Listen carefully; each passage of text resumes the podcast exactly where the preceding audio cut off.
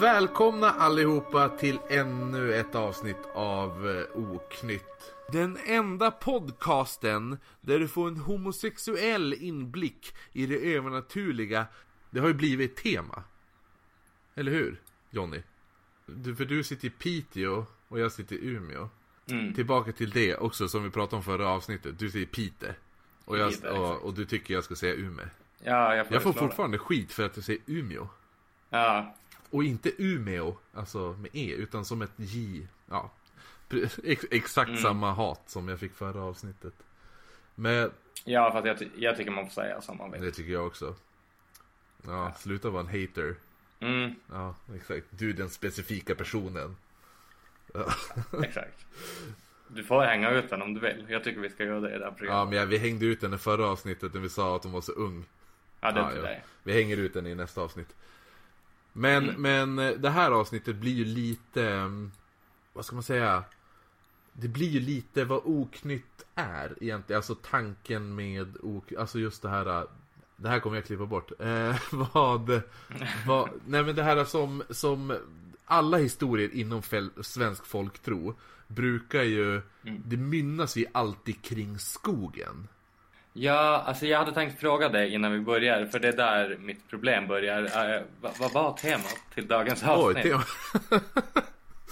ja. Ja. Eh, temat det här avsnittet är Vad finns i skogen? Det är lite löst. Men, eh, ja. Alltså jag vet egentligen, jag kollade upp det. Men jag råkade glömma bort det ett tag. Eller ett ganska långt tag. Så, så du hittar Eh, på och ett började- annat tema. Ja, alltså jag trodde det var liksom mer så här folktro i allmänhet. Så jag lä- läste in mig skitmycket på en jättespännande grej som, som jag ska spara faktiskt. Till ett annat avsnitt som, som vi ska ha. Ja. Säger jag nu. Eh, som handlar om såna här um, hemsökta saker, alltså objekt. Ah, som- förbannelse. som- Precis, Ja. för det ska vi ha som tema i ett avsnitt. Absolut. Och då ska jag ta den grejen som jag nu redan är så inläst Ja. på. Eh, Men, ja precis, men, men, men grejen, det blir ju lite löst, löst eftersom vad finns i skogen och så tar man svensk folktro. I princip allt grundar sig ju i skogen. Ja, man kan dra paralleller ofta till skogen. Känns det som. Jo, jo. Och så, Mm. och så om man tänker typ så här. Svensk folktro, vad tänker man då? John Bauer typ. Ja, Precis. han sa, som för övrigt, vet du vad jag upptäckte? Det är hun, hundra år sedan i år han dog. Oj. Han dog 1918. Det är borde ju vara en sån här, um, du vet som Google gör, att uh, deras här banner ah, Är det en verkligen. sån hyllning? Verkligen. till han. Eh, fast, ja, men hur känd, är, han- är han känd utanför Sverige? Jag vet inte faktiskt. För, Kanske, in, kanske för han har ju ändå präglat ganska hårt den svenska folktron. Ja, verkligen. Med tomtar Ja, och troll precis. Och... Bland Tomtar och Troll och så där han gjorde tillsammans med Elsa Beskow. Um, Mm. Så här, massa sådana där saker. Men han dog ju, det- han dog i en båtolycka. Hela hans familj drunknade. Han var, han, var- han Oj, var fan. 36 bast. Jag vet att han Ja, ung. 36, jag jag tror att det var 36 år. Men typ min ålder, eller vår ålder. Eh, Ja. Några år äldre än oss, drunkna, drunknade med hela sin familj. Känd forever i Sverige.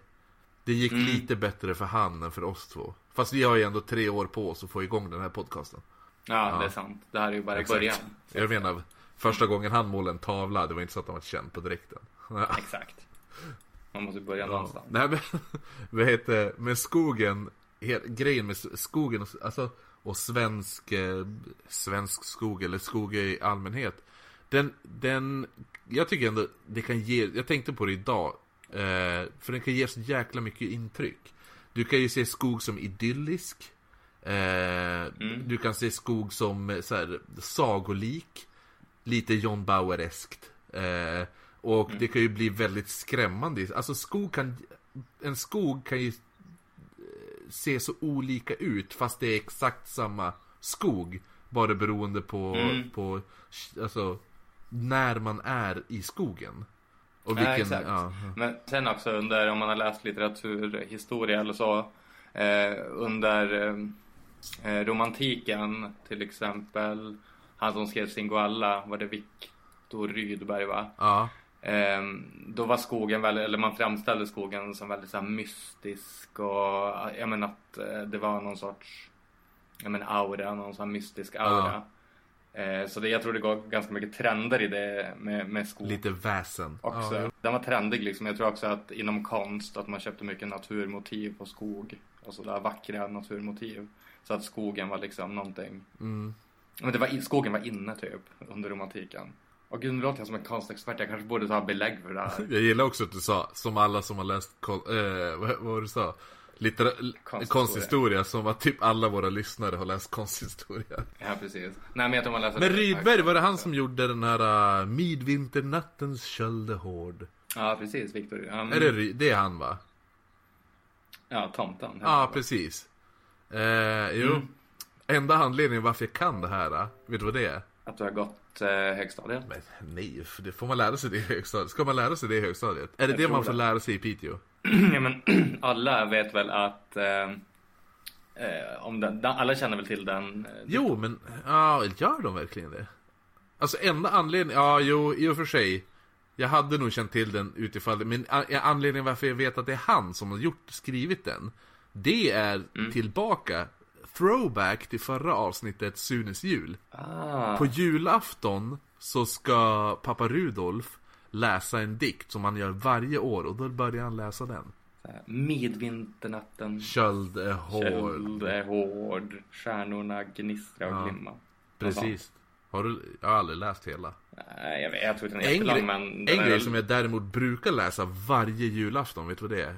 Julevangeliet. Nej, jag skojar.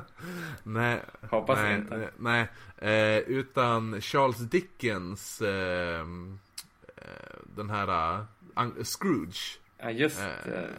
Mid... eh, Ja, tale, Christmas. Story. Christmas Story, är det så Det kanske den heter. Jag vet jag kommer inte ihåg den, men varje jul brukar jag läsa den i alla fall. Men Uncle Scrooge och bli he- Ja, ja, jag vet. Jag hemsökt vet, av- jag vet ja. precis. A Christmas Tale tror jag den heter till och med. Eh, nej, eh, A Christmas Carol. Mm, klassiker. Ja, den, och den är så jävla bra. Ja, bra budskap Ja, också. verkligen. Den är sjukt bra. Bra för barn att läsa. Ja, verkligen. Hell, hellre den än kommer du ihåg den där så här, flickan med svavelstickorna? Ja, den är bara hemsk. Så jävla hemsk. Tänk, om man skulle läsa den för sina, sina Men, barn. ja, men jag Så tror min hemskt. mormor läste den för mig när jag var liten. Um, Alltså typ när jag var så här, för jag brukar ändå hänga hemma hos min mormor efter dagis. Eh, Mm. Och typ kring juletid, då var det mycket sagoläsning hos min mormor. Och hon är ändå typ så här, när jag, när jag sov över, då var det att läsa Gud som haver barnen kär grejer. Det var mycket just sån här, ligga, och, ligga med knäppta händer och be. ja, men kristendomen är ju mycket lidande. Ja, jo, speciellt, ja men speciellt den här Ja, nu är inte vi katoliker. I och för sig, men hade vi varit Katolismen är för fan ännu värre. Ja, det är ju cray cray. hur, hur som helst Nu är vi inne på jul, jul Vi måste ju ändå ha ett jultema innan jul Tomtetema. För grejen är det Ja, nu när jag har gjort lite så research till det här Då har det ändå Mm. kommit upp väldigt många små korta historier om tomtar. Jag vet, jag har faktiskt en eh, tomtereferens i min Mm. story.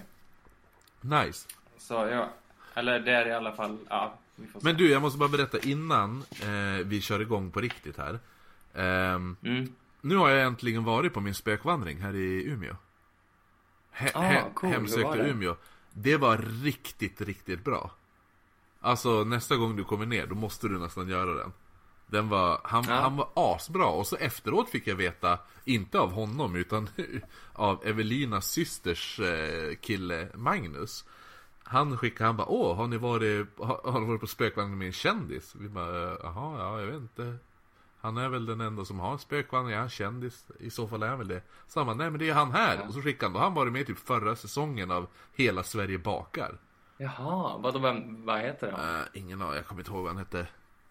Någonting. Jag Jag, jag, ska, jag, jag kommer tagga han på Instagram, eh, där hemsökta Umeå. Eh, men i alla fall, det var jättebra. Vi gick från Västra kyrkogården Nu ifall man inte är från Umeå Så kan man ju bara, då kan ni spola fram 30 sekunder eh, Med Västra kyrkogården, sen gick man ner eh, Vid det här um, äldreboendet mitt emot vandrade neråt vi, förbi Bubblan där väst på stan, över ner till Saga teatern. Eh, mm. gam, eh, Renmarkstorget, gamla hotellet. Eh, kyrkan där vid Tegsbron och så sen ner till gamla fängelset. Alltså ändå en ganska bra promenad. Ja, jo, det tog vi. Det var över en, över en och en halv timme. Ja, det måste det ha varit. Mm. Så att, eh, så det, det, det har jag. Vad har du gjort de här senaste två veckorna? Har du gjort något spännande? Eh, nej. Eh, vi hade en halloweenfest som var ganska rolig. Satt du i hallen? Nej, det gjorde jag inte. Men jag drack vin ja, i alla fall. Eh, eh, däremot så var en av mina polare laddade hem en app. Alltså en sån här, hon betalade så 60 spänn för den i App Store eller vad det nu ja. heter. Eh, som man gick omkring med och så, så kunde den känna av där det var så energier. Vi var i en lokal aha. som var en ganska gammalt uh. hus.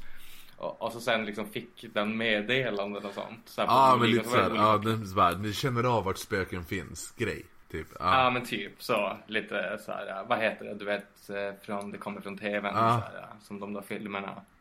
Alltså ja men det var ganska kul. Alltså jag tycker, jag vet inte om det är värt 60 spänn att betala för en sån app. Men Nej men vadå, men ifall man säger så här, ifall man är sex personer och så swishar alla en tia. Då är, ja. det en, eh, då är det en rolig grej en kväll ändå. 10 spänn så är man sex personer och lite kul. Exakt, eller om man är överklass kan man ju bara ladda hem den. Ja, eller så säger man åt pappa. Ja, pappa, pappa betalar 60 kronor för en spökapp. Ja, precis. Det rekommenderar vi. Ja, jag har däremot läst, läst klart min eh, bok om eh, Jesse Pomeroy. Eh, USAs yngsta seriemördare. ah, jo, jag såg ah. en... Eh, ja, ah, så jag mm. läste klart den eh, av Harold Schechter. Och boken jag läste innan var också av Harold Schechter. Det var ju Man-Eater. Om ehm, mm. eh, Alfred Packer som, som eh, kannibalen. Eh, och de två händelserna var ganska samtidigt. Jag tror en var så här 1874 och Alfred Packer var 1876 eller något sånt där. Så att, eh, man både. Och nu har jag, nu har jag min nya bok, boken jag läser nu är eh, Deviant. Eh, som handlar om Ed Gein. Som är kanske en av de mest ikoniska seriemördarna. I, eh, okay. Som också, den här är också skriven Harold Schechter. Jag håller på att läsa alla Harold Schechters böcker. Beta av. Ja, alltså, det är många namn nu som känns lite obekanta. Harold Schechter är författaren. Ja, det ah, har jag eh, Alfred mm. Packer var en, en eh, frontier-snubbe som, eh, vis, som blev kannibal uppe på bergen. Och det är lite så här diffusa grejer. Var han, vart han kannibal på grund av att överleva eller vart han kannibal för att han var fucking crazy? Eh, så den boken mm. heter Maneater. Sen skrev han boken, sen har han skrivit boken Fiend.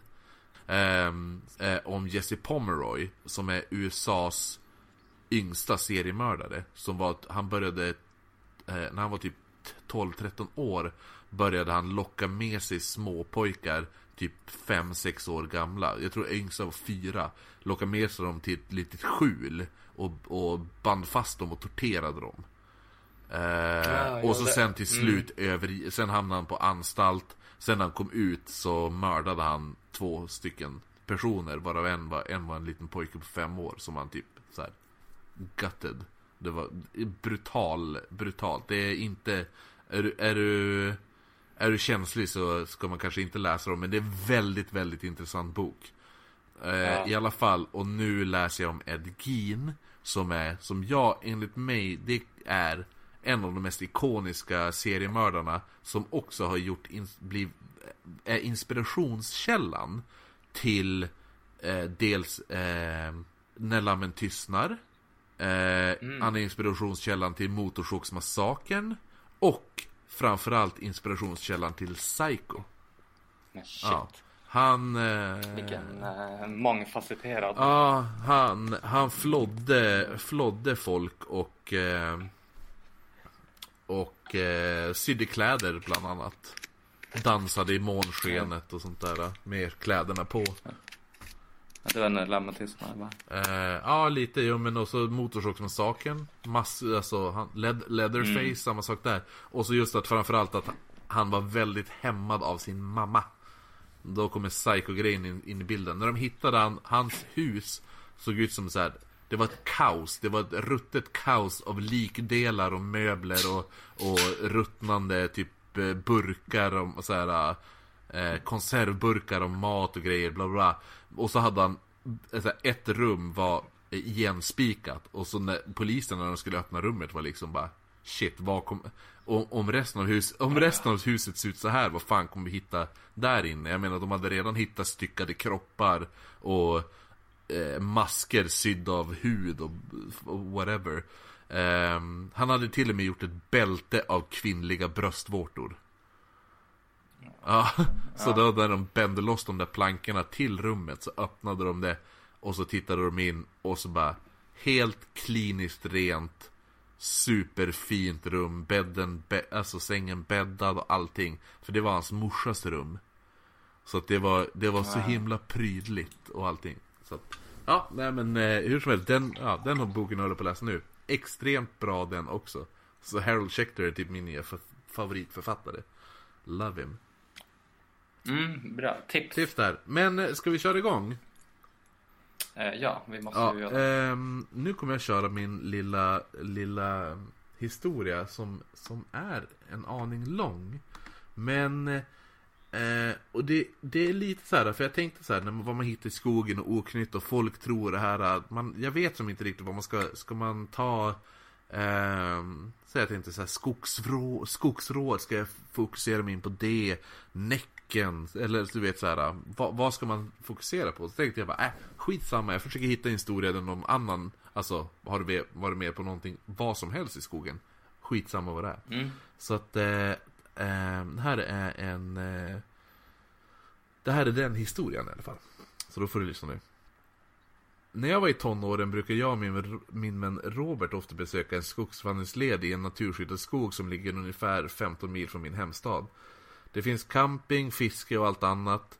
Eh, men viktigast för oss var att det fanns många stigar och leder att vandra på. Robert och jag hade inte så mycket att göra i vår lilla stad på den tiden. Så att spendera dagarna i det här naturskyddsområdet ble, blev lite utav våran hobby. Vi spenderade nästan varje dag eh, efter skolan i skogen. Tiden gick dock och som det all alltid blir så växer man ifrån varandra och skaffar nya intressen. Även om vi förblev vänner så var det inte på samma sätt som på tiden när vi spenderade dagarna i skogen. Det var, eh, dock var det nyligen att jag vart lite nostalgisk och började tänka tillbaka på de gamla stigarna. Och jag kände verkligen att jag ville gå tillbaka dit och besöka några av mina favoritplatser. Jag tittade över mitt schema och fann en lucka i helgen cirka två veckor framåt.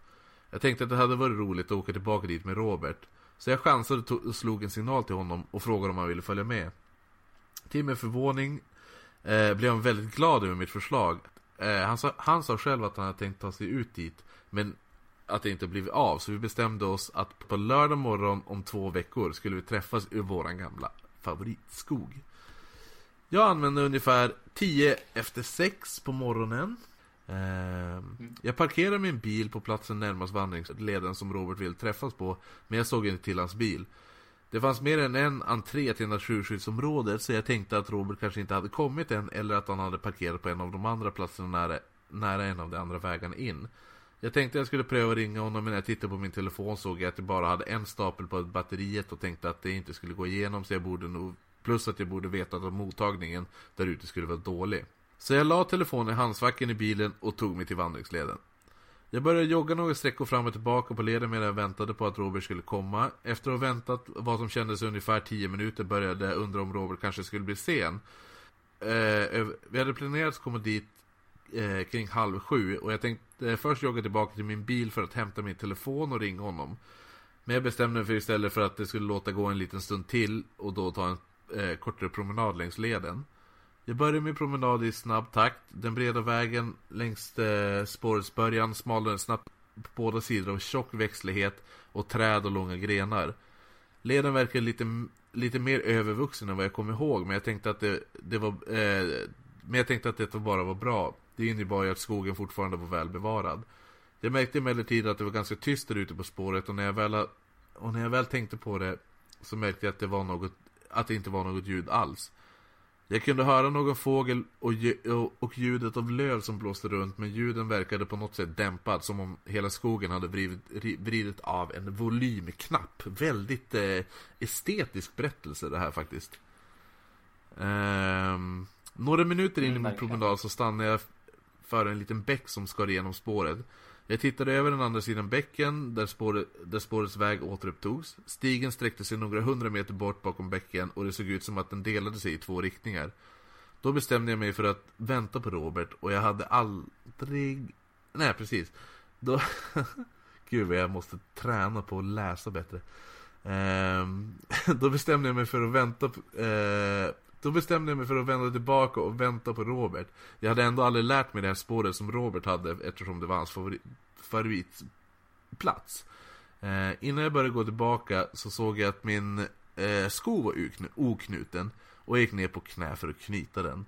När jag var klar så ställde jag mig upp men då var jag tvungen att kväva ett skrik. Kväva ett skrik också, det är vackert där. Um, ehm, där stod Robert ja. mitt framför mig och flinade som en idiot. När, jag såg när han såg chocken i mitt ansikte så skrek han nästan av skratt. Däremot blev jag röd av ilska. Vad fan gör du? Jag skrek. Du gav mig nästan en jävla hjärt, hjärtinfarkt. Jag vill säga hjärtattack. Hjärtinfarkt. Eh, Robert hade... Robert mm. eh, försökte också kväva sitt skratt Nej, Robert försökte kväva sitt skratt för att kunna svara. Alltså förlåt, jag kunde inte bara låta bli. Jag var lite längre upp på spåret och jag bestämde mig för att vända tillbaka och vänta på dig. Och då såg jag dig på knäna och jag kunde bara inte motstå. Jag kunde inte låta bli att le efter det och jag, och jag kunde känna att den röda, het, den röda heta känslan i mitt ansikte började dränera bort. Ja, det är okej, okay. men däremot du skrämde fan skiten ur mig. Jag hörde det ju ens knappt. Robert han sa ingenting utan log bara sitt breda flin. Jag vet inte varför men det var då som att en olustkänsla flög, flög över mig. Jag, jag försökte skaka av mig den och pekade ner mot delen av leden som Robert kom ifrån. Ehm... jag, trodde, jag trodde inte ens att du hade kommit hit än, eh, sa jag. Du kan ju leda mig, jag antar att du vet vart eh, leden, äh, vägen leder. Robert nickade i svar, sedan ryckte han huvudet bakåt. Som att peka åt det håll där vägen delade sig. Efter bäcken. Efter bäcken, det var jag som la till. För jag antar att det var det hållet. eh, han tvärvände sig om och började springa fort och hoppade över bäcken. Ja, där kom det. Över bäcken. När hans fötter, när hans fötter träffade andra sidan. Eh, så fortsatte han bara springa. Jag ropade efter honom att han skulle vänta. Han verkar inte ens ha hört mig utan fortsatte djupare in i skogen. Jag var verkligen inte beredd på att springa, men jag, utan jag ville gå och jogga lite mer först för att sträcka ut benen. Det verkade dock som att jag inte hade något val och jag begav mig efter Robert. Jag hoppade över bäcken och kämpade för att komma ikapp. Roberts joggning var, var till slut i en jämn takt, inte speciellt snabb så jag lyckades komma ikapp. Kan du, inte, kan du inte bara vänta en sekund? frågade jag. Varför? Vad är du rädd för? frågade han och vände sig till mig med ett tandvisande flin som inte tycks lämnat hans ansikte. Jag blev lite ställd. Vad, vad menar han med det? Och plötsligt kom den där olustkänslan tillbaka. Inget, sa han. Jag be Nej, inget. Behövde bara stretcha lite, sa jag. Robert slutade inte ens... Eh... Robert slutade inte springa eller ens sakta ner. Han fortsatte bara att le och vände blicken framåt. Eh... Ja, men det blir bra, sa han. Det finns ett trevligt ställe strax efter Y-korsningen här framme, sa han. Vi fortsatte jogga tills vi slog av till höger vid Y-korsningen. Jag följde efter bakom Robert. Efter korsningen växte skogens träd allt tätare. Deras blad blockerade allt ljus från solen. Även vägen började bli mer övervuxen med ogräs som verkade nå ut till mitten av vägen för att fånga det solljus det kunde. Förut tyckte jag att ljudet i skogen var dämpat men nu med denna växtlighet var, ljud allt, var allt ljud helt borta. Jag hörde bara mina egna andetag och mina löpsteg. Jag kände även nu att jag började få mjölksyra i mitt Jag började känna även nu att jag började få mjölksyra i mitt högra ben. Det här spåret eh, verkar inte speciellt underhållet. Är du säker på att du vet vart vi ska? Frågade jag Robert. Jag höll mig fortfarande nära honom, trots att det kändes som att mitt högra ben hade börjat brinna.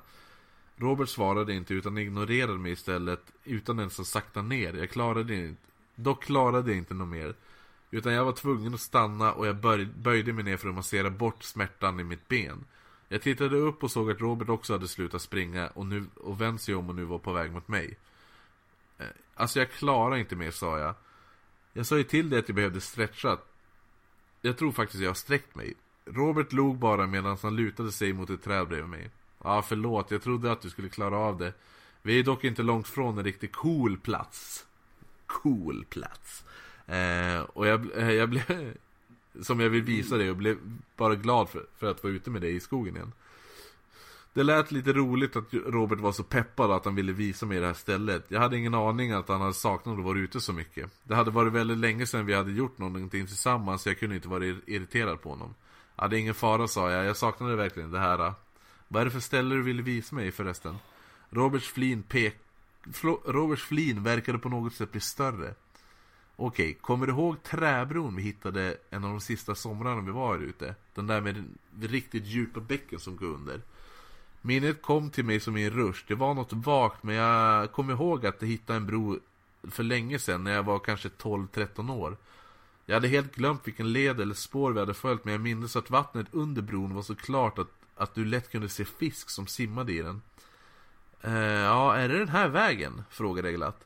Ja, det är den här vägen. Jag kan inte vänta med att ta, att ta dig dit. Jag har alltid väl, jag har, jag har redan varit där nere. Det är vackert, svarade Robert. Det var någonting med hur han formulerade orden som kändes lite, lite konstigt. Jag ställde mig dock snabbt upp och borstade av smutsen på knäna. Ja, ja, ja men vi går, vi går väl, sa jag. Och så började vi vandra. Eh, jag började smått jogga, men Robert sa då okej, okay, ja men vi kan faktiskt gå, jag vill ju inte att du ska skada dig själv. Jag tänkte först att vi skulle kunna jogga, men ju mer jag ökade takten så smärtade det mer i benet. Så vi gick vidare och pratade istället om minnen från förr, medan vi gick sida vid sida. Robert berättade saker som jag knappt kom ihåg. Han sa att han kom ihåg den tid jag hade skrapat upp knäna eh, väldigt illa efter ett otäckt fall på en av spåren. Men dock mindes inte jag det här. Han sa, kommer du inte ihåg när du föll ner från den här lutningen och slog ner i botten? Jag trodde att du hade dött. Robert började skratta i ett blomstrande skratt. Eh, det var då jag slutade gå, för det var någonting som han sa som inte stämde. Eh, vad är det? Varför stannar du? Vi är ju nästan där. Jag började andas tungt och tog ett steg tillbaka. Det var någonting som var fel. Jag visste inte vad det var men jag var tvungen att komma ut ur skogen och bort från Robert. Jag var tvungen att komma undan för ett, min för ett minne för, ett, för minnet hade äntligen återkommit till mig. Ett minne om att jag faller ner och skrapar knäna. Roberts flin bleknade från hans ansikte. För första gången sedan han smugit sig på mig. Vad är felet? frågar han. Ehm, jag stirrade bara på honom. Vad är, vad är felet? frågade han skakigt. Jag måste gå tillbaka, sa jag. Lite skakigt själv. Robert tog ett steg mot mig och en blick av oro spreds i hans ansikte. Men kom igen, vi är ju så nära, varför vill du gå, banan?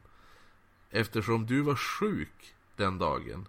Du var hemma den dagen som jag skrapade knäna.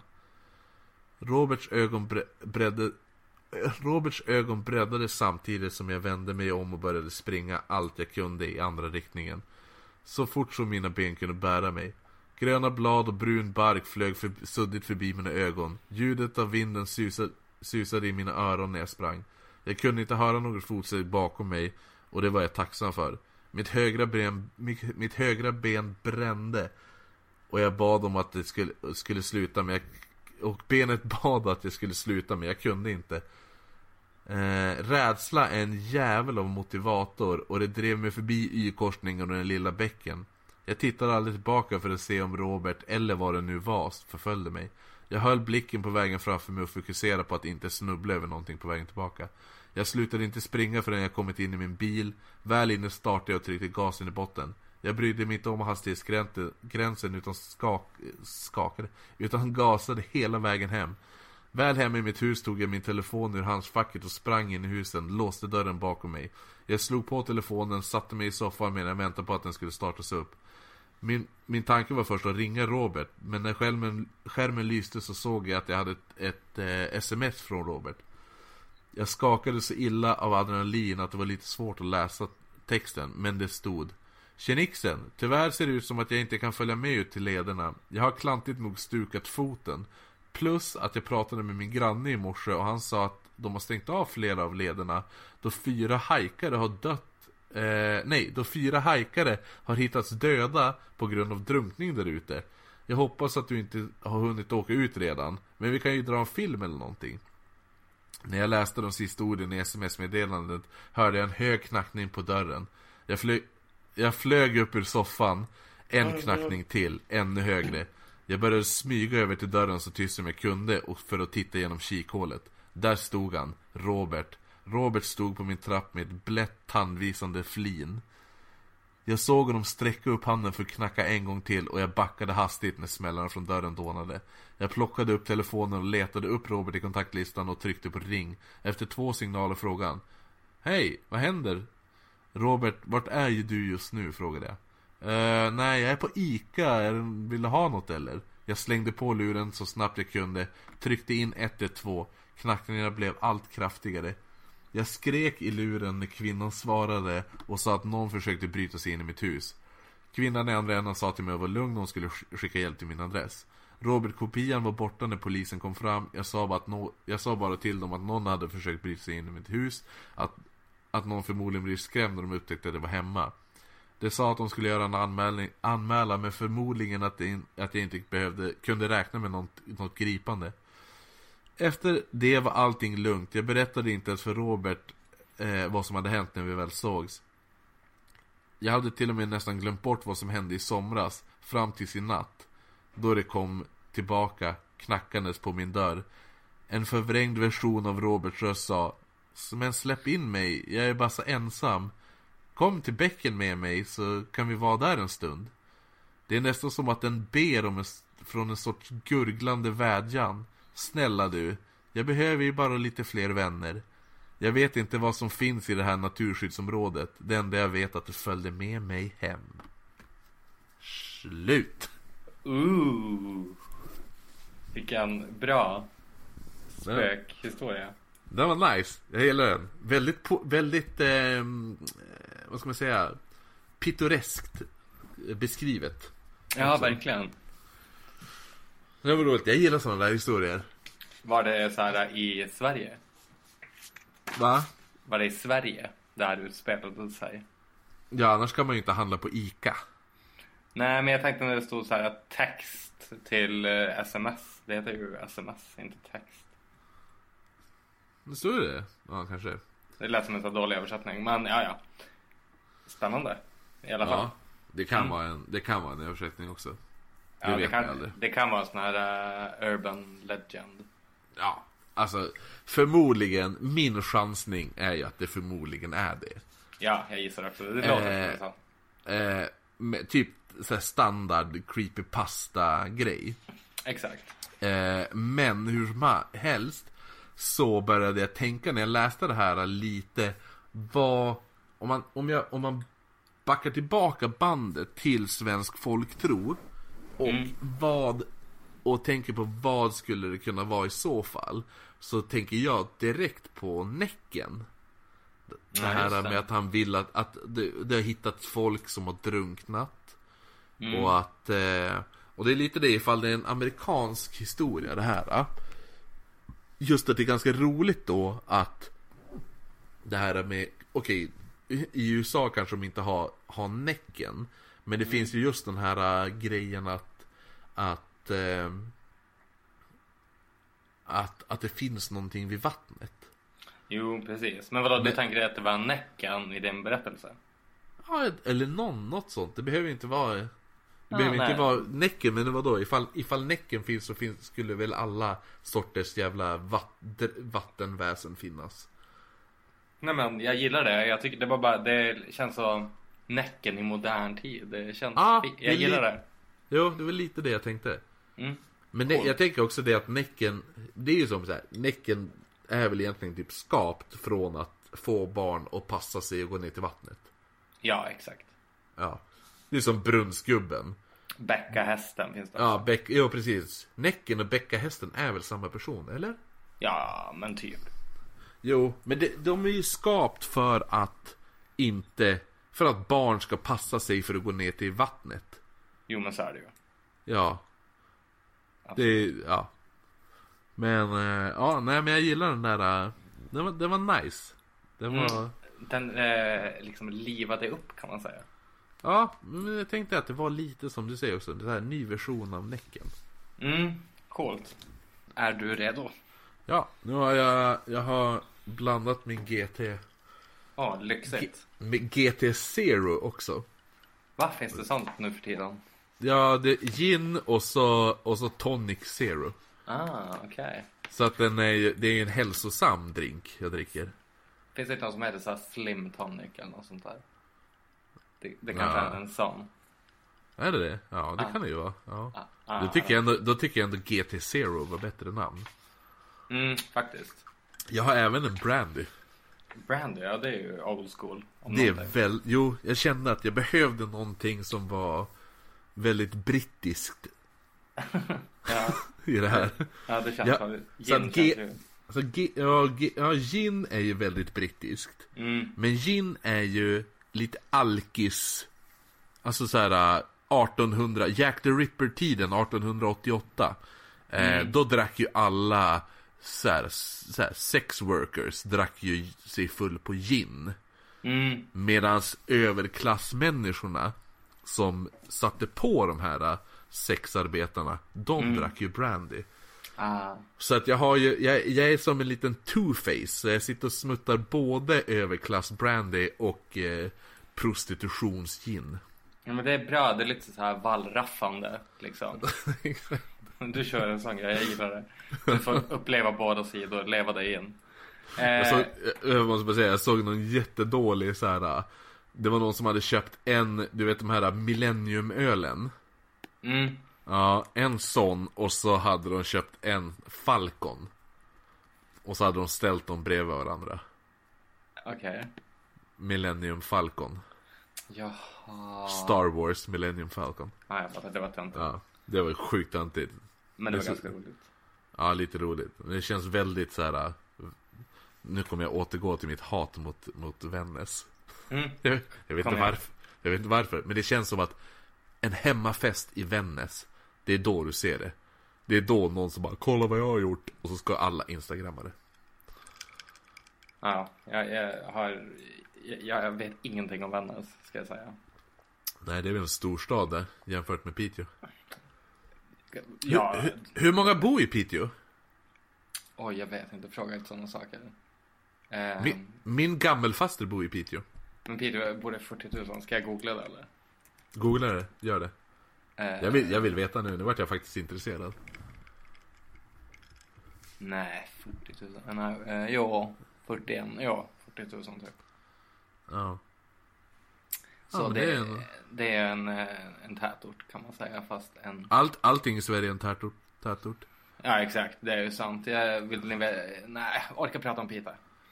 Ja, ja. Nej men, eh, nej, men, men eh, det här med tätort däremot är ju att alla städer, städer finns, alltså begreppet stad finns inte längre i, i Sverige.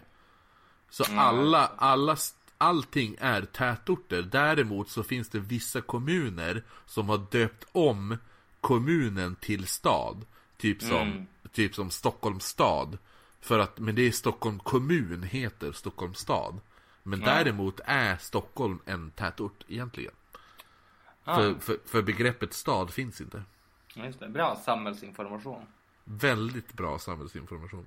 Mm, Eh, enligt mig. Och Verkligen. dig. Helt klart. Vi reder ut saker i det här programmet också. Ja. Men, Mal- men, men, eh, men i alla fall, Piteå, jag måste bara säga. Min morfars syster bor i Piteå. All right. Mm. Eh, eh, Hon, hon, hon, är, hon är pensionerad, har tatuerat sig och piercat sig och snaggat sig efter hon vart pensionär. Ja, det känns som någon jag känner, höll jag på att säga. Hon är såhär stålmormor-style. Coolt. Ja, hon bara piercade läppen, gjorde massa tatueringar. Lite Ja. sånt där. Härligt Du- ändå.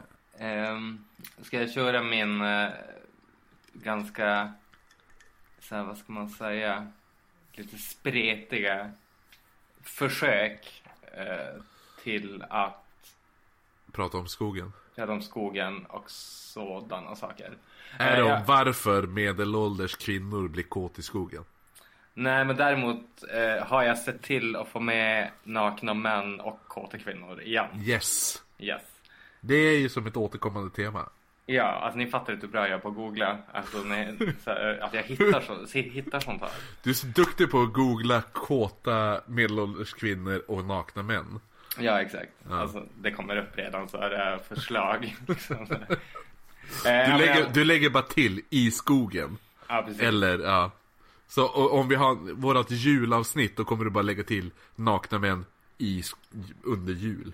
Ja, så kommer det att bli. Yes. Eh, men, men i alla fall när jag började eh, med hela den här grejen då tänkte jag att eh, det vore tråkigt att ta något så här vanligt som skogsrået eller så här troll och Ja. tråkiga, uppenbara, förutsägbara väsen.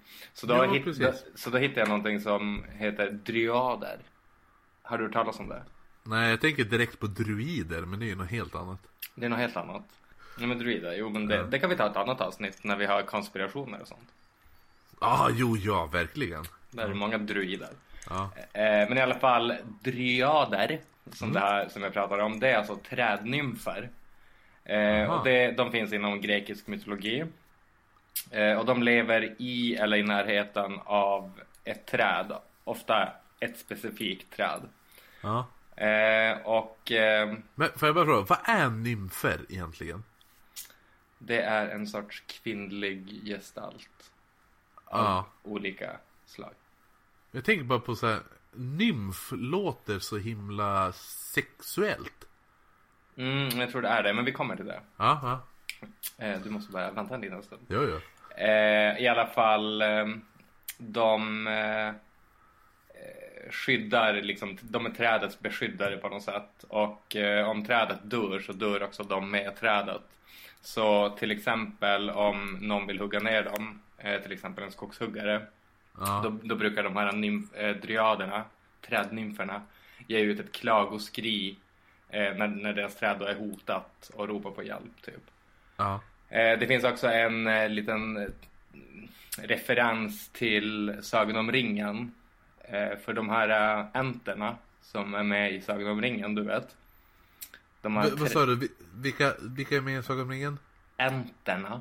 Alltså de har, det är såna träd som går om, alltså levande träd. Jo, jo, jo. Heter de, heter de Enter? Precis, och de är, de är också dendroider.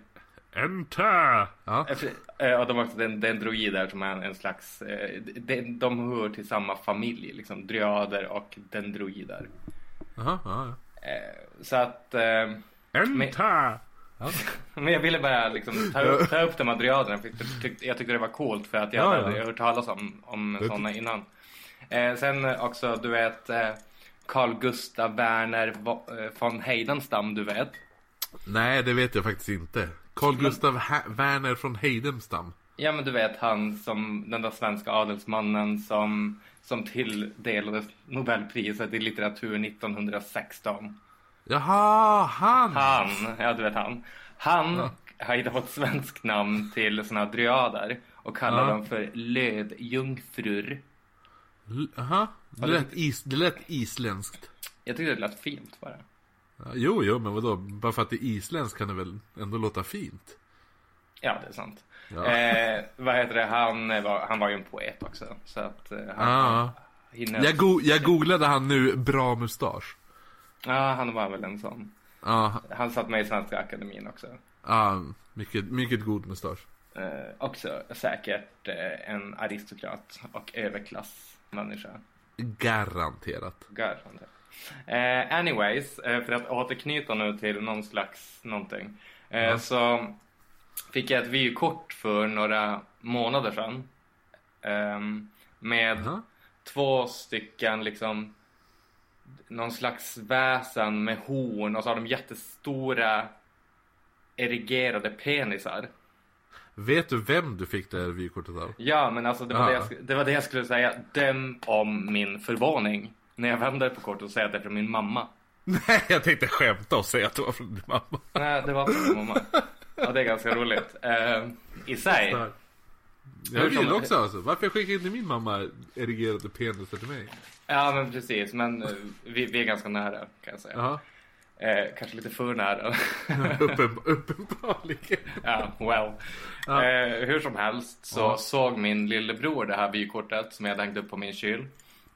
Och så Ja. säger han bara, oj men kolla det är ju såna där satyrer. Och jag bara, vad hette det sa du? Och då sa han satyrer. Och det är tydligen då, de finns tydligen i World of Warcraft. Det är Aha. och eh, det, men jag googlade sen också, det, de finns i Nerd alert! Ja, nerd alert. Men ni, de finns inom grekisk mytologi. Mm.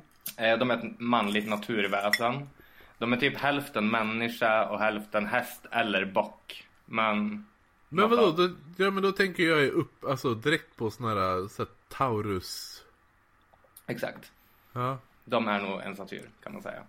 Eh, och så sen då, eh, de hemsöker skogar och berg som följer slaget till Pan. Var det typ, alltså ja.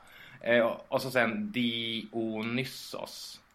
Ja, Dionysos, ja men det är en grekisk... Eh, Precis, det är ju typ eh, fruktbarhetens, eh, alltså Bacchus är väl den romerska, tror jag. Alltså- Och Dionysus är den grekiska.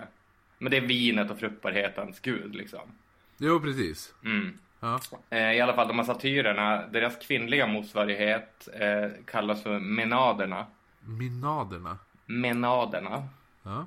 Eh, och eh, det som är kul med det, det är att de här menaderna, jag slog upp dem, jag hade faktiskt en bok hemma, det var ju kul att slå upp någonting i en riktig bok. Ja. Eh, I den stora mytologiska uppslagsboken Nice. av, Alf Hen- av Alf Henriksson. Du känns som en person som har extremt mycket böcker. Ja, jag har jävligt mycket böcker faktiskt. Det går att googla också såklart. Eh, de här menaderna i alla fall, eh, de beskrivs eh, som att de ofta eh, är nakna. Ja, och eh, klädda eller liksom beck, beck, vad säger man? Beklädda, bekransade, besmyckade med murgröna. Eh, och deras hår Ja. är så här vildväxande och de är väldigt så här djuriska och eh, sexuella. Det låter Ja. som galna schizofrena kvinnor i skogen. Precis. Egentligen är det ju bara det. Det är bara kvinnor som träffas och så här grupponanerar. Ja, Egentligen. nice. Nice. Eh, I alla fall, och om det skulle komma en människa eller ett djur i deras närhet, då sliter de sönder dem i extatisk tillstånd liksom. Så att eh, de är farliga som fan. De är kåta och farliga. Kåta och farliga. Och eh, du vet... Är inte det här typ då också bara en så här allmän beskrivning på kvinnor som, som inte var så här hämnade av deras män? Vanliga kvinnor typ. Ja, exakt. Eh, Single, single ladies. Ja men typ. Ja. Men eh, har du sett True Blood? Jag har sett True Blood. Du vet eh, den här eh, Marianne Forrester. Men, Det är en- be- vem av dem är, vem är det? Jag har, så, jag har svår, svårt för, namn i den serien. Eh, hon var med i den serien och spelade någon slags... Eh, men hon är med i den serien och bor i ett stort hus och eh, är väldigt så här, sexig. Och hon är i alla fall en sån. Eh, en sån... Ja, jo nu Mm, vet ja. jag vem det är. Ja, jag, jag vet. Hon är i säsong två kvinnan. Är det? Tror Eh, jag. hon, hon är till och med 1, 2 och 5. Både i första, andra och femte säsongen. Ja, men hon är med i sist, typ slutet av första säsongen, hela andra säsongen och så typ en snabb blick i femte. Ja, just det. Jag har inte sett eh, Ja. hela. Men eh, hon var i alla fall en sån. Så då... Ja, nice. Jo, för det var väldigt mycket gruppsex när hon var med. Ja, precis. Mycket sånt. Ja. Eh, hon är väldigt eh, snygg också, den skådisen tycker jag. Milf. Ja, jo, men milfs går alltid hem. Alltså det är någonting med så här. äh, Det är nog freudianskt. Ja, någonting som man direkt dras till. Ja. Eh, men hur som helst så tänkte jag också då tillbaka till det här eh, svenska då. För att det här Ja. som vi har pratat om nu är ju det här grekiska och romerska. Och, eh, så då tänkte jag att jag skulle kolla upp några sådana här svenska, lokala kanske till och med, väsen kan man säga.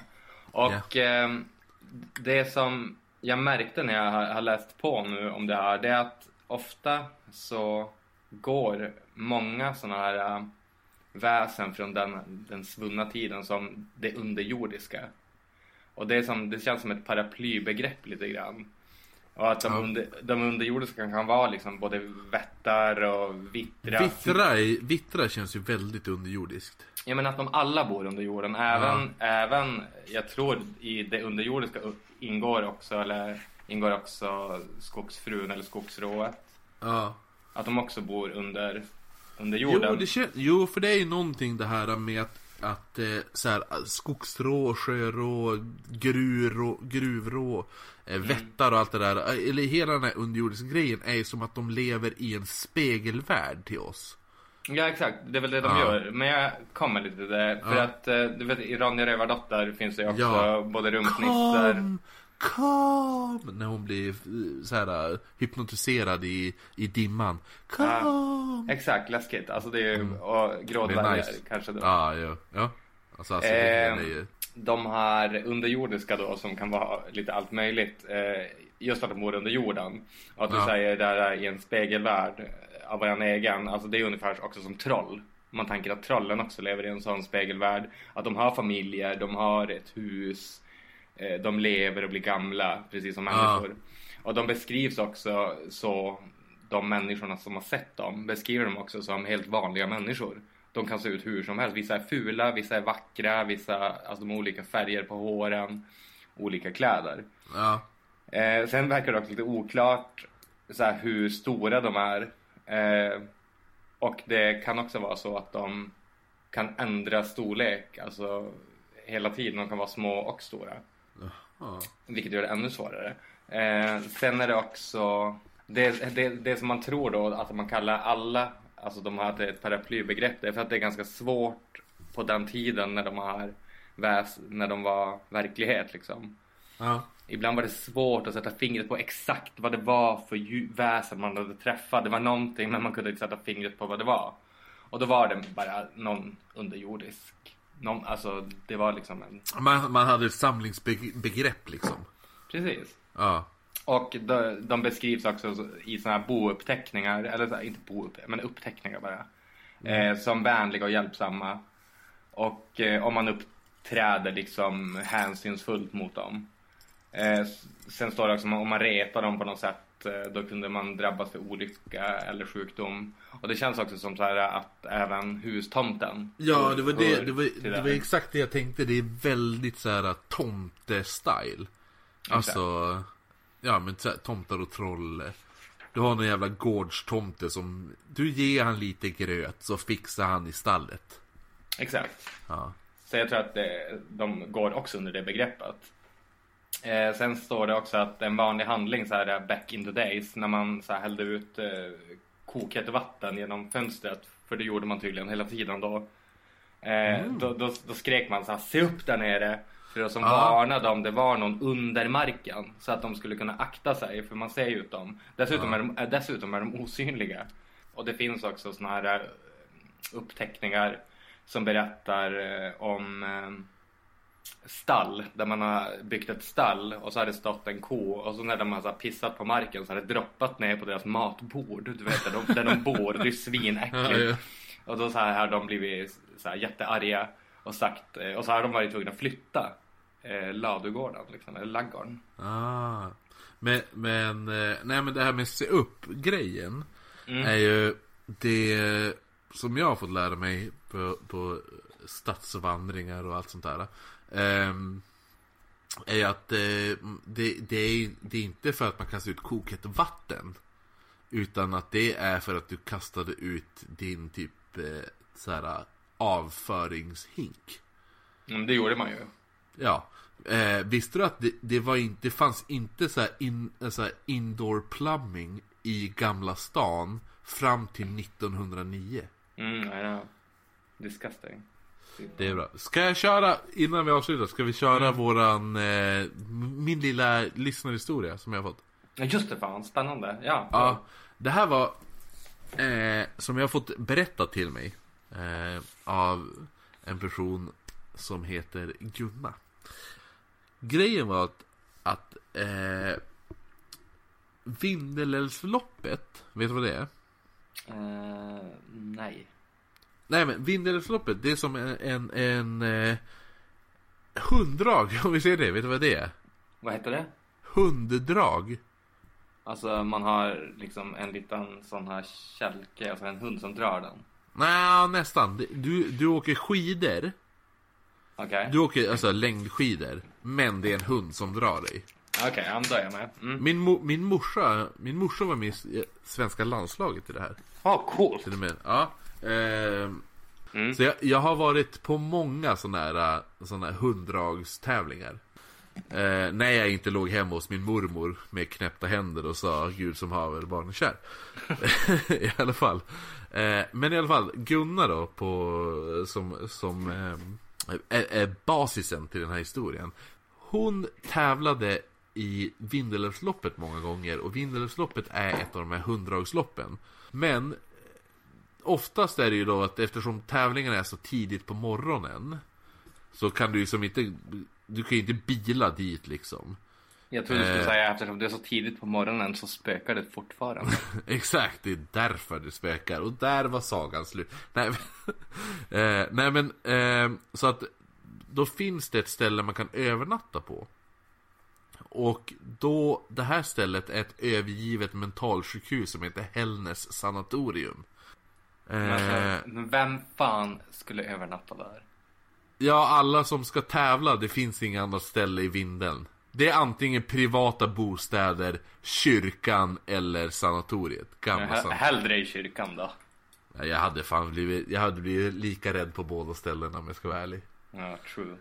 Hur som helst. Det här, det här stället, då när man ska fara och tävla och på det här Vindelnsloppet får du sova i det här äh, nedlagda sanatoriumet. Hällnäs sanatorium. Hellnäs? Ja, exakt. Hellnäs. Ja, vad fan. Ja. Eh, då är det ju det, dock har de ju bommat igen mycket.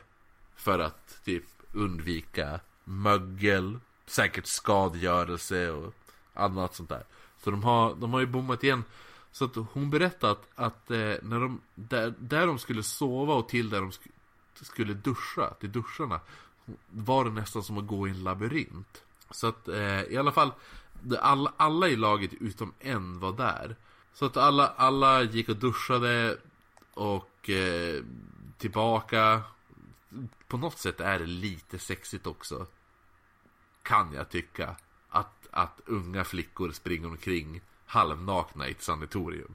Halvnakna i ett spökhus. Ja, ja, ja men du ser. Handdukarna fladdrar och det, det, det är fnitter men de är lite rädda samtidigt. Skräckblandad förtjusning. Exakt. Eh, nej men de, de springer omkring där. Till slut kommer ju hon den här som inte hunnit, hunnit duscha med de andra. Så hon kommer lite senare och säger bara, men vart är duscharna? Och då förklarar de att, ja men du måste, det är lite krångligt men du måste gå i de här korridorerna. Du tar vänster där, höger där, sen är det rakt fram, sen tar du vänster längst bort, bla bla bla. I alla fall, ja ja, hon går där, hon tycker det är obehagligt som fan såklart. Eh, men i alla fall, man måste ju duscha. Det är, så, det är lag, liksom. Eh, så, så, men med, hon duschar och så sen börjar, när hon kommer ut i duschen så börjar hon torka håret och börjar, tänkte börja klä på sig. Då hör hon ett gnisslande ljud. Så här, ri, ri, ri, gnisselaktigt. Och så tittar hon mot dörröppningen och så kommer ett litet barn på en trehjuling cyklandes. Förbi dörröppningen. Men vad fan. hon, hon, får ju panik liksom. Och kutar tillbaks till de andra. Så här, slänger sig fram genom korridoren och bara. För, bara har ni sett? Alltså. Fatta vad jag har sett. Har ni sett det här? Alla bara. Ah, nej. Lugna ner dig typ. No one det, weed for you. Ja, exakt. Det är crazy. Crazy cat lady. Men, eh, nej men hon, hon gav sig inte. Det här var det hon såg. Hon såg ett litet barn komma cyklande på en trehjuling. Såhär, så style. Du vet. Eller eh, The Shining style. Ah, jo. Danny i The Shining, ja. Precis. Ja, typ. Ja. Men fatta att se det. Stå och duscha och det kommer ett litet barn på trehjuling bara rip, rip, rip. Men, eh, men, men ska vi... Eh, avsluta med att säga att vi kommer att lägga ut alla bilder på vår Instagram som är ät oknyttpodd. Mm. Eh, Till exempel kommer vi lägga ut bilden på vykortet. ah, ja, eh. den, ja, den måste vi verkligen lägga upp, den vill jag säga. Och även bild på... Hällnäs sanatorium kan vi lägga upp på. Mm, Vi kan lägga ut bilder på skog om man vill det. en skog, en vacker skog. Vi lägger upp en bild på en vacker skog. Exakt. Nej, Nej, men det kanske, fin- kanske på en eh, sån här uh, dryad kanske. Om någon är intresserad. Ja, ah, precis. Böckerna är tips om. Mm. Vi kan ju också lägga ut eh, en, ett tips på en, eh, en eh, bok av Carl Gustav Werner von Heidenstam. Och hans mustasch. En bild på han bara. Ja, exakt. Han, är, han var fan hotsy totsy ändå. Ja, och han myntade också uttrycket var lövjungfrur och det var ju så vackert tyckte vi. Ja, ja men det, det är nice. Dock vet jag inte riktigt hur, hur, vem man ska kunna kalla det. Nej, men man kallar det det det är. Det är de. de som, som Jo, de, jo, men, jo, men jag skulle vilja kunna använda det i en alldaglig situation. Men jag tycker man kan kalla det kalla någon det som en komplimang. Åh, du är vacker som en lövjungfru. Ja, precis. Istället för att säga os, oskyldig som en brud. Och då kan man säga du är vacker som en lövjungfru. Precis. Ja, ja men, det, ja, men jag köper det faktiskt. Sådana grejer. Eh, ja, men nej, men vi slänger ut en jävla massa bilder hur som helst. Men, eh, och ifall, if, man får gärna skicka in en, som vi läste upp nu på slutet här, den här lyssnarhistorien. Så är det ju oknyttpodd.gmail.com Så kasta in ett mail. Och så får ni också såklart swisha till Jonny. Ja, precis. Vi lägger upp numret på Instagram också. Ja, så, Såg du min Instagram storybild igår på mitt kylskåp? jag tror det. Berätta om den. Berätta om den. Alltså, jag la ut en väldigt så här... eh, en konstnärlig bild som jag hade tagit med min telefon på mitt kylskåp. Ja. Mitt öppna kylskåp som var tomt. Ja, just det. Det var bara ett äggpaket där. Precis. Väldigt fattigt just nu tror jag du skrev. Ja, nå- något sånt. Ja. Det var bara för att jag ville ha lite... In, ingen har kommenterat det. Alltså ingen. Vilka as. Inte ens jag. Jag tänkte att mamma skulle swisha så här, bara gå och köp någon mat. Jag minns. Men- Ja, ah, det var det som var tanken. Ja, typ. Du skulle ju ha skrivit dit ditt te- telefonnummer. Ja, sant. Orutinerat. Väldigt så här, fattigt just nu. Swish och så telefonnummer. Men du vet, det ringer så jävla mycket folk till mig. Alla vill, du vet, hänga och så. Ja, ja. Du är så jävla populär. Jag vet, jag orkar inte lägga ut det så här. eh. Sju... Extremt populär och extremt fattig. Ja, exakt. Det är ko- konstigt, konstigt men sant. Men det, det är dyrt att ligga på topp, så att säga. Ah, jo, men det, du har lite den här Hollywood-förbannelsen över dig. Ja, alltså mat kommer ju ganska långt ner på listan av mina priori- prioriteringar kan jag säga. Ja, exakt. Det är så här... äh, det är så här sex, kokain, sen kommer mat. Just det då, alkohol, cigaretter, droger. Ja, och så Pro- ma- mat kanske. Sexarbetare. Nej, nu får jag, jag, får, jag behöver inte betala för sex. Nej, men det är alltid Men roligt. folk kan gärna betala mig. Nej, fan, nej det får de inte. Nej. Men vadå? Det. Då har du ju inte tomt i kylskåpet om ifall det är så. Nej, det är sant. Du kanske skulle starta om karriären? Du tänker att jag ska bli hora, är det det du försöker säga? Nej, sex, sexarbetare heter det. Ja, är det så det heter? Eskort Ja. kanske? Eller? Exakt, varför inte? Det, det, det, det, lå- eskort låter ju faktiskt ganska fint. Mm. Ja, det är så här. äh, Jag är eskortpojke. Men typ, jag låg med en hora, det var, det var en eskort. Flicka. Exakt. Men, eh, ska, ja, vi får väl tacka för oss då. Ja, och eh, trevlig helg säger vi till alla då. Äntligen fredag. Precis. För er som lyssnar. Ja, det här är ju det här är en bra förfestpodd egentligen. Ja, man borde slå på den. Eller Ja, man, man i- kan lyssna på den på väg när man går eller åker buss till förfesten. Exakt, liksom. Fan, varför sa vi inte det här i början av avsnittet? Kan du klippa in det och lägga in det i början? Ja, jag gör det. Det här... Vad fan sa vi inte det här i början av avsnittet för? Eh, nej, men, det här är ju väldigt så här. Ja, precis, Det är roligt. Det här är ju som att ha förfest med oss. Exakt. Fast att du inte, alltså personen som har förfesten inte får prata. Vi tänker så här, vi är, vi är så här, är vänner. Alltså vi är liksom ett substitut till riktiga vänner. Man behöver inga riktiga vänner Exakt, det är som... eh, om man lyssnar på våran podd. Ja, exakt. Blir- Man känner sig aldrig ensam. har, har du en vän, sluta prata med den personen och lyssna på oss. Ja, alltså det tar ju bara typ en Vi, timme. vi, vi kommer alltid vara där för dig. Din vän kommer säkert lämna dig. Eh, du är ganska tråkig faktiskt person. Mm. Så att de kommer så här, ah, ja, du, de kommer dumpa dig på krogen ikväll. De bara, ah, ja men jag vill inte vara med dig, jag träffar den här jävla tjejen eller jag träffar den här killen. Så jag tänker få och knulla ikväll. Mm. Ja, då är det så här, va? Och så tänker man så här, fan, jag skulle bara suttit hemma, druckit mig redlös full samtidigt som jag lyssnar på Oknytt. Eller hur? Ja, du ser. Då Liksom, ingen vi, ont hända. vi har ju löst, vi har ju löst allas problem. Ja. Två Precis. veckor! Vi hörs om två veckor. Vi har om två veckor. Woohoo, kul! Tack för oss, hej då! Hej då!